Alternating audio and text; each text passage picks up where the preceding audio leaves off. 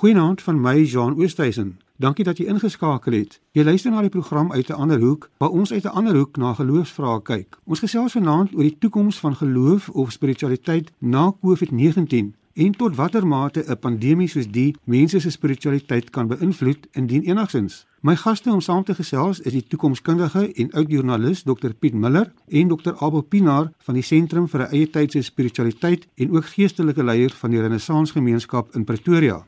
Goeienaand Piet, baie welkom aan jou en goeienaand Abel, baie welkom aan jou. Hallo John en hallo aan al die luisteraars en hallo Abel. Piet en Abel, in tye van oorlog of 'n pandemie of 'n groot tragedie, dink mense dikwels opnuut na oor hulle geloof en oor God en mense reageer verskillend daarop. Sommige word opnuut aangegryp deur hulle geloof en dan is daar weer ander wat sterker oortuig raak van hulle ongeloof. Waarom dink julle reageer mense so verskillend op iets wat eintlik dieselfde is? Abel, kom ek begin by jou. Ek dink mense moet altyd onthou, mense kyk vanuit hulle eie stories, né? Nee? Soos mense te hulle godsdienst bring vir hulle 'n meester narratief of 'n storie en dan sit hulle soos 'n donker bril op en dit kleur alles wat hulle sien om hulle. So as jy nou die Christendom vat, hulle filter alles wat met hulle gebeur deur hierdie meester narratief storie van hulle. En stories vorm ons wêreld. So maak jy saak wat gebeur nie met een persoon met drie persone kan presies dieselfde ding gebeur. Hulle filter dit deur hulle stories, hulle gee betekenis daaraan en dit word hulle werklikheid. Die antropoloog Jane Bynum het dit so mooi gesê, stories give a shape to our experience. Our stories affect how others see us and how we interpret the, our place in the world. Dis maar die ding. As jy baie gelowig is, dan interpreteer en filter jy dit daardeur en as jy ongelowig is, dan interpreteer en filter jy dit daardeur en daad dit bepaal dan nou hoe jy dan gaan optree. Piet, jou siening?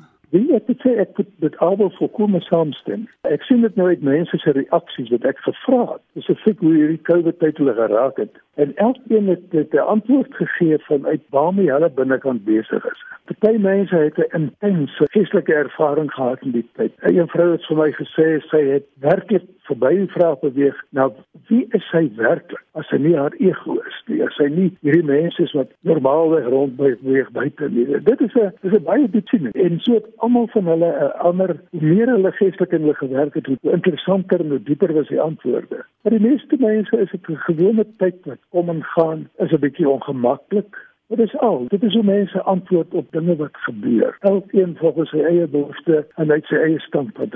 As 'n mens weer terugkyk met nabetragting na groot dinge in die verlede wat gebeur het en plaasgevind het, soos die groot verligting of ook bekend as die renessans, dan het dit nie net die wêreld uit sy middeleeuse slaap wakker geskit nie, maar dit het, het ook in die kerk 'n nuwe lewe ontketen met die reformatie van Luther in 1517 en so was daar baie ander gebeure in die geskiedenis wat die kerklike toneel onherroepelik verander het. Dink julle 'n pandemie soos COVID-19 gaan op die langtermyn ook 'n verandering op die kerklike toneel hê, Abel? Ek dink so, enigiets wat gebeur het, e-, éventuele effek. Kyk, ons is besig met die evolusie. Evolusie kan nie verkeer word nie, ook die evolusie van ons God storie en van ons geloof en hoe ons dinge sien. Nou wat dit gaan evolueer, weet 'n mens nou nie tyd sal leer, maar spiritualiteit sal bly. Tel godsdienst is op die ouend net die voertuig van spiritualiteit, nee, so die voertuig kan kom en gaan en verander, maar die spiritualiteit bly gaan. So ek dink die kerklike toneel is al voor COVID-19 besig om te verander. Ek dink hier is net 'n spoedversnelling. Die vorm van aanbidding gaan verander, maar die behoefte om te aanbid of om spiritueel te verkeer gaan nie verander nie. Dis nogals interessante tyd om te sien waarheen alles beweeg, maar dat daar beweging is en dat daar 'n skuif is. Dit is ongelooflik waar, veral nou in COVID-19. Piet Abel praat van 'n evolusionêre verandering en hoe dat spiritualiteit verander. Dink jy COVID-19 kan dalk 'n hupstoot wees tot so 'n verandering? Ek wil met Abel saamstem in die opsig dat dit 'n deel is van 'n van 'n aanlopende verandering. Ek kan onthou dat die eerste artikel wat ek geskryf het oor spiritualiteit en die internet was reeds al in die 1990 waar jy uh, begin optel het verskillende gemeenskappe inspel op hoe wat 'n rol die internet speel. Ek het self daai tyd afgekom op 'n plek waar jy soos ek katolieke maar kon gaan bieg en dan die vergifnis is dat jy wat jy gebieg het word tot dadelik uitgevee, jy weet. Allerlei dinge wat jy opgetel het 20 jaar gelede Maar dan kom 'n ding soos COVID wat 'n intense belewenis vir 'n kort tydjie is. Dit gee sneller en alles wat besig was om te gebeur, gebeur gebeur dit skielik vinniger. Miskien bietjie meer intens. Soos die aandele weer, hy spring op en dan sak hy weer na sy normale ding toe en hy gaan met sy gewone ritmes aan. Ek dink hierdie ding het 'n intense verandering gebring Hoe lank hy gaan wees, weet ek nie. Ek glo dat wel gaan gebeur is dat ons vorm van aanbidding gaan verander. Ek dink by Abel hulle ook het jy gesien dat veel meer mense deesdae meer deelneem aan sy kerkdienste op 'n Sondag omdat hulle dit oor die internet volg wat hulle voorheen nooit gedoen het nie.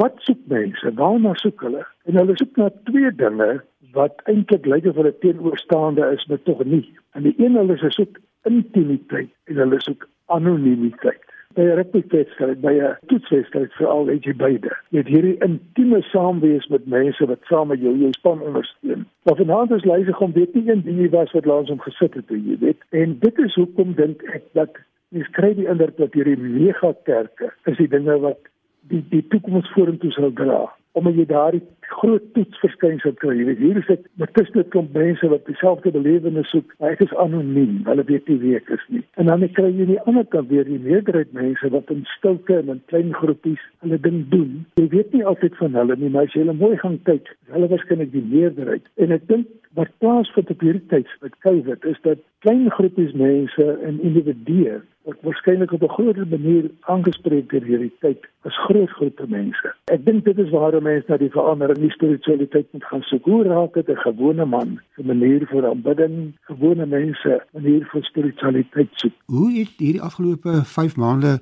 julle eie persoonlike spiritualiteit geraak en dien enigsins of julle geestelike denke? Abel, het dit vir jou enige verandering teweeggebring? Weet jy, my God denke sal ek nou nie sê nie. Dit is al reeds lank terug besig om te verander en dit verander konstant. Dis soos ek sê, daar's 'n evolusie daarin. My spiritualiteit van wakker word, asof COVID vir my 'n uh, uh, soos 'n spotlight, 'n uh, helder lig gegooi het weer op 'n klomp goed van my. Ek het weer bewus geraak hoe maklik word 'n mens aan die slaap gesis met hierdie hele konstruk van gister en môre. Jy weet dit gister is daar en môre sal kom en ewe skielik gebeur COVID en al my planne val plat en die beplanning val plat en dan sê ek vir myself maar ek weet mos dat daar is niks seker nie. Maar op 'n of ander manier het ek al ingekoop op die idee dat ag nee dit sal kom, dit sal gebeur. En nou kom COVID en ewe skielik is daar 'n nuwe normaal. Dit maak vir die realiteit van onsekerheid wakker en jy kom agter die behoefte wat die mens het om seker te wees wat godsdiens baie keer bring. Daar's 'n sekerheid is stopnuus daar is nie sekerheid nie. Niemand kon hierdie ding voorspel nie. Maak nie saak wat jy glo maak nie saak wat se politiek jy behoort nie maak nie saak wat jou filosofie en of jy arm of ryk is nie. Hierdie ding tref almal dieselfde. Jy's nie beter af of minder beter af nie. So hierdie ding kom op almal se pad. En dan maak dit ewe skielik weer daai bewustheid van ons is nie so in beheer soos ons dink. Dit het weer my spiritualiteit van weerloosheid. Net my wakker gemaak om te sê hoorie hierso een tree. Dis al wat ek het verseker. Gister is verby, môre is nog nie gebore nie. Een tree op 'n slag. So vir my was dit weer 'n wakker word vir daai spiritualiteit van een tree op 'n slag. Dis wat ek het hier en nie nou en dis waar ek moet leef. Piet, jy het 'n nuwe boek op die rak wat pas van die drukkers af is en die titel daarvan is Op pad met die subtitel Spiritualiteit vir 'n nuwe tyd. Hoe lyk hierdie spiritualiteit vir 'n nuwe tyd en hoe verskil dit van wat 'n mens nou net sal noem die vorige of die ouer spiritualiteit? Ja, mens ek het 'n treetjie kan terugtrek en sê die Christendom veral vandag sit met 'n probleem. En dit is nie dat mense sekulêr word soos na die Tweede Wêreldoorlog nie. Dat jy na die oorlog het mense so ontnigter geraak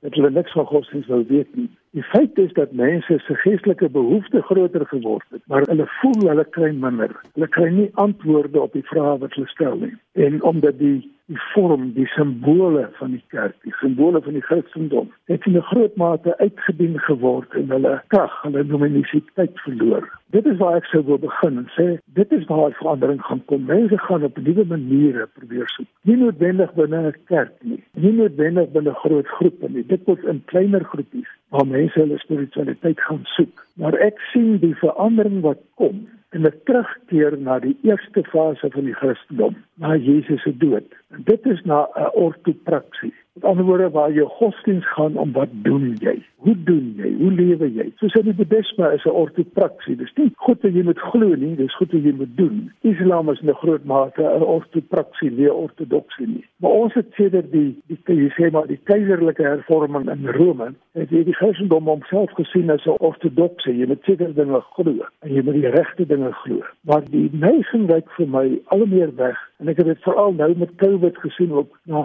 wat doen ek? Hoe lewe ek? Hoe lewe ek my spiritualiteit uit daardie basiese boodskap wat Jesus gebring het van wat doen ek? Hoe leef ek? Hoe raak ek my naaste? Ek dink dit is waar jy ons op pad is. Dit is hoe die vernuwing gaan kom. Hoe die vernuwing in die toekoms gaan lyk. Ek sien ook presies nog 'n paar ander mense kyk soos bekende Richard Roer wat ook praat van die koms van ortopraksie, die koms van ons doen dinge. Doen die regte goed. Nie net die regte dinge glo maar die regte dinge doen. Abel, jy gebruik ook die term eie tydse spiritualiteit en dit verwys ook na die naam van jou sentrum. Wat bedoel jy daarmee as jy praat van 'n eie tydse spiritualiteit en wat beteken dit vir jou? Vir my beteken dit dat kyk onthou nou spiritualiteit is vir my nie iets bonatuurliks nie. Dit gaan nie oor gode en demone en invloed van iets bonatuurlik nie. Dit is vir my natuurlik en aards. Met ander woorde vir my is spiritualiteit om sin en betekenis in hier en nou te vind. So as ek praat van eie tydse spiritualiteit en wat COVID ook nog ons mee help is, is om weer te sê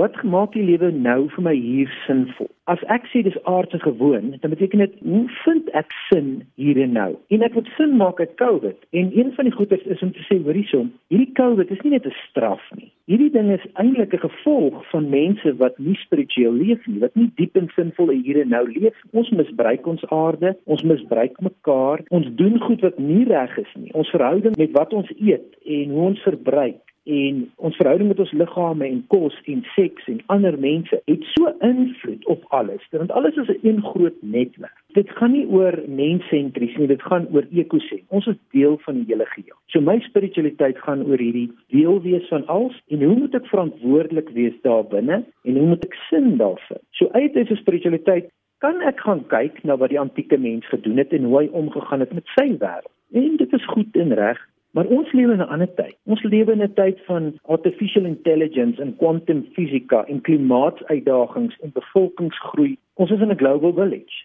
So ons het nuwe vrae. Ons het nuwe maniere om te dink oor wat beteken sinvol en betekenisvol te leef. En dis wat my spiritualiteit vir my oorgaan, is om te sê, hoe lewe ek hier en nou met liefde en met respek om dit hier en nou te vind. Dalk met begeleiding van die antieke tekste, wie kan daarvan gebruik? Maar baie van die antieke ouens se koppe se ontplof het as hulle in ons wêreld was. Hulle sien nie eens geweet het wat om te maak met ons etiese vrae of ons morele kwessies nie. Ja, en as ek uh, oomblik kan aansluit by wat Aaron gesê het, wat vir my baie interessant is. Die een ding wat ek opgelet het van COVID is hoe mense skielik besef het die masker dra nie terwille van my nie, terwille van die ander persoon.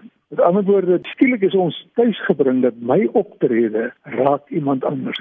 Ek moet 'n masker dra as ek versorg dat my buurman gesond bly. Hy dra eene om my gesond te hou. En dit sluit aan wat Abel ook nou genoem het van die van die ekologie byvoorbeeld. Ons besef, ek dink hierdie dinge te besef tyd gebring van ons verantwoordelikheid teenoor mekaar, ons verantwoordelikheid teenoor die omgewing, ons verantwoordelikheid vir die toekoms, vir die kinders wat kom. Ek dink dit is daar's min dinge gebeur wat wat so duidelik vir ons gesê het wat ek doen, paal ander mense se lewe. Ek dink in die opsigte was COVID 'n baie goeie aanskouingsles geweest. Ons gesels vanaand oor die invloed wat iets soos COVID-19 op geloof het en hoe dit mense se godsbeeld kan beïnvloed en of dit dalk ook tot 'n nuwe soort spiritualiteit kan lei. My gaste is die toekomskundige Dr Piet Miller, skrywer van 'n nuwe boek op pad spiritualiteit vir 'n nuwe tyd en die geestelike leier Abel Pinaar. Piet en Abel, wanneer mens vra tot watter mate God by 'n pandemie soos die betrokke is, dan hang dit baie duidelik af van 'n mens se godsbeeld en ons het nou so 'n klein bietjie ook oor julle godsbeeld gesels of daarna verwys. Maar Piet, hoe sou jy jou godsbeeld beskryf en het dit baie verander oor die jare en indien wel, wat het dit laat verander? Was dit 'n groot gebeurtenis of het dit maar stelselmatig gebeur? Ja, ons ek ek kan praat daaroor en ek sê ek sien 'n groei dwars deur my lewe vandat ek 'n kind was tot ek hoe ouer ek word hoe, hoe groter en hoe dieper word die besef van wie en wat die godheid is en wat God eintlik kan wees. Daar was 'n tyd toe mense baie konkreet gedink het. Onthou as 'n kind op die platteland, het ons letterlik geglo daai donderweer wat in die somerhuur speel, is God se stem wat daar praat. Dan hoe ouer jy word, hoe meer besef jy, dit is 'n baie naïewe godsbegrip. En ek dink dit is vir alle mense die geval, maar godsbegrip oor die tyd, oor 'n periode verander ook. As jy na die Bybel gaan kyk, na die verskillende godsbegrippe wat jy van Genesis af deur kry. Van God as 'n as 'n huisgod wat help met wat Sara kinders kry, tot by Jahwe as die oorlogsgod, die Heer van die leerskare, tot by Jesus se siening van God. Daar's 'n deurlopende groei in die hele godsbegrip. Ek dink die godsbegrip waarmee ons op die oomblik sit, het te klein geword om die wonder van die skepping, die dinge waarvan die astrofisika ons elke dag nuwe dinge vertel, te verklaar. En dan moet ons ook sê, ons weet van God niks. Ons kan nie sê wie God en wat God is nie, want per definisie lê God aanderkant tyd en ruimte. Waarvan ons nooit iets wetenskaplik kan sê nie. Met antwoorde wat ons vir God sê is 'n aanvoeling, is 'n metafoor vir iets wat ons belewe waarvoor ons eintlik nie die woorde het te gebruik nie. En ek dink dit is baie besig om te verander. Ek sien dit by mense met met 'n diep spiritualiteit. Hoe dit word so hierdie begrip van God as 'n persoonlike God. As iemand wat vir my ingryp elke oomblik verander na 'n dieper begrip van 'n godheid wat omvattend is wat die bron van alles is, maar nie 'n persoonlike God of God in wie ek is en wie ek en wat in my is. Uh, soos die, die, die, die idee van die panentheïstiese God is. As ek nou maar terugdink, as ek sê hier in 1930, dit is nou amper al 'n eeu gelede, het die Duits-Amerikaanse teoloog Paul Tillich van God gepraat as die grond van die sein, die die bron waar dit alles te voorskyn kom. En dit was so 'n gewellige sprong vorentoe. Ek dink ons begin nou eers besef wat hy bedoel het. Ek dink dis ook mense se ongemak baie keer. Dat hulle nie weet hoe hulle die godsbegrip kan inpas nie. Dit is nie dis nie iets wat vir mense maklik kom nie. Dis iets wat met moeite en verdriet kom en met onsekerheid. Maar daar's 'n duidelike oorgang na 'n baie dieper en 'n meer abstrakte begrip van God.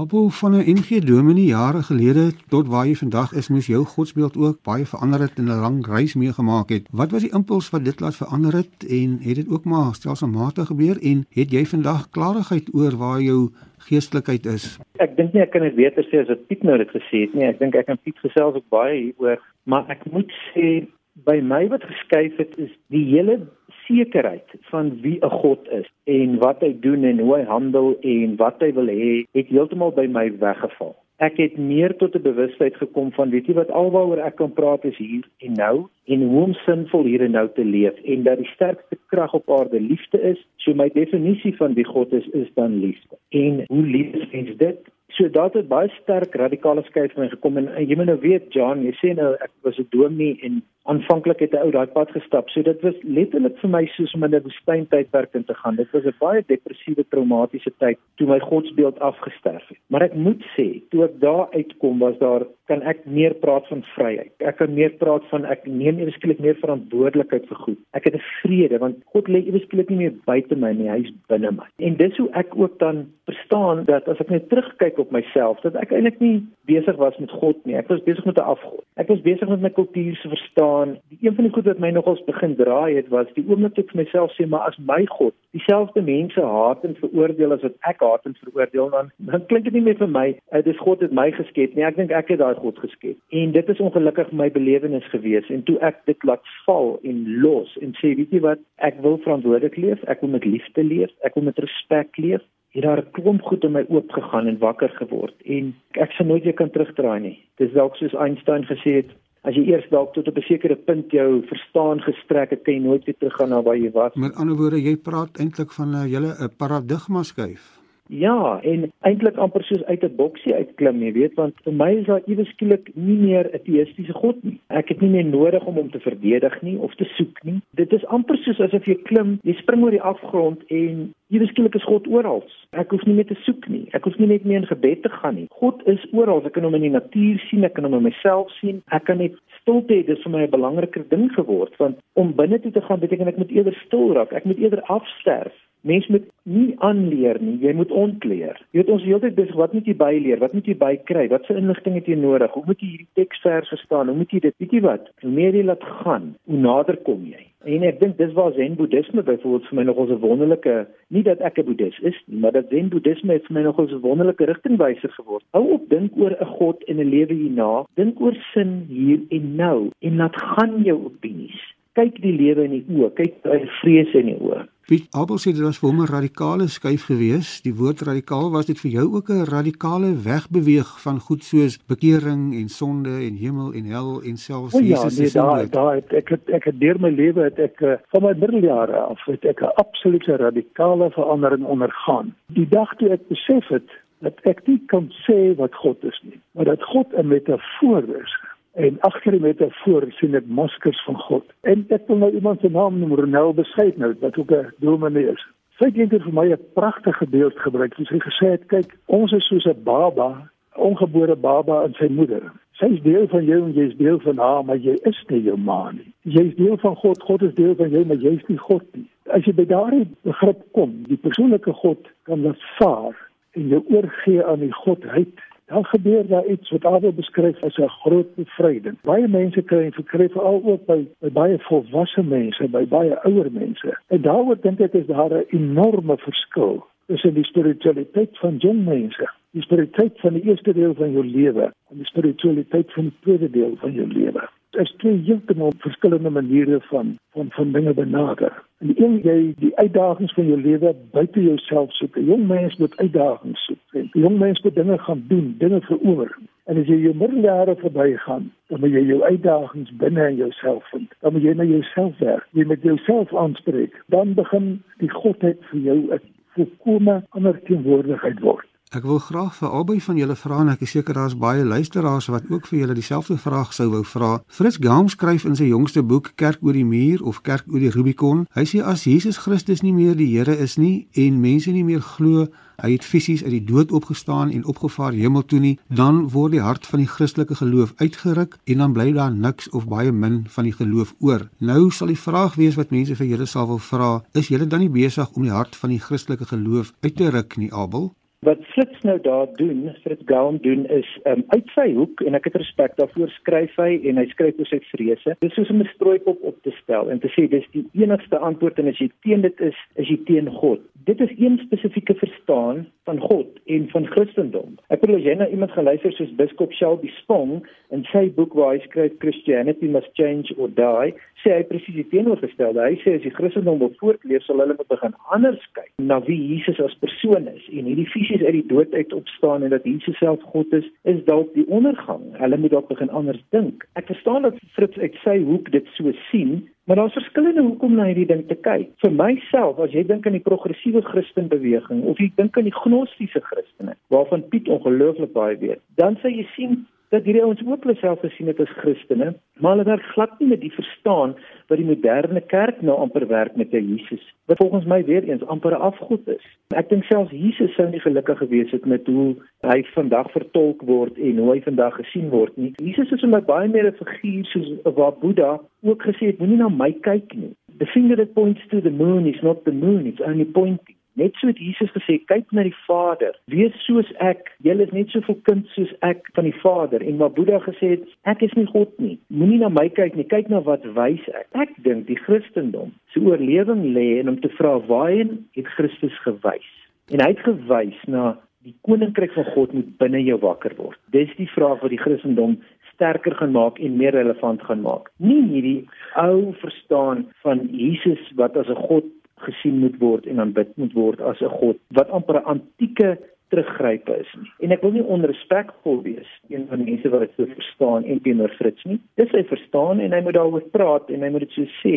My verstaan is egter net anders. Ek dink die groei lê nou aan die ander kant. Piet, jou reaksie op die beskuldiging dat die hart van die Christelike geloof uitgeruk word as mense soos julle dink en dat daar dan byna niks meer oorbly van die geloof of die Christelike geloof nie. Wat Abel nou gesê het dat men hulle dink aan iets wat Angelus Silesius, daardie pragtige ou mistikus van die 18de eeu uit Duitsland gesê het. Hy het eendag in een van sy gediggies gesê word Christus duisendmaal in Bethlehem gebore, en nie in jou jy laas dan as jy steeds verlore. Ek dink ook ons moet die die maagtelike geboorte, kruisiging en die opstanding beskou as dinge wat binne onsself moet plaasvind. Dit is met 'n voorrader die vernuwing wat ons in onsself moet ervaar. Hoe die godheid met ons werk Ons moet nie dinge verletterlik nie. Ons moet hierdie dinge self in onsself verwerklik. Christus moet in onsself gebore word, nie in Bethlehem nie. En ek dink jy moet dink aan hierdie Silesius wat 200 jaar gelede roem dit een van die Duitse groot figure in Duitsland saam met Jacob Böhme.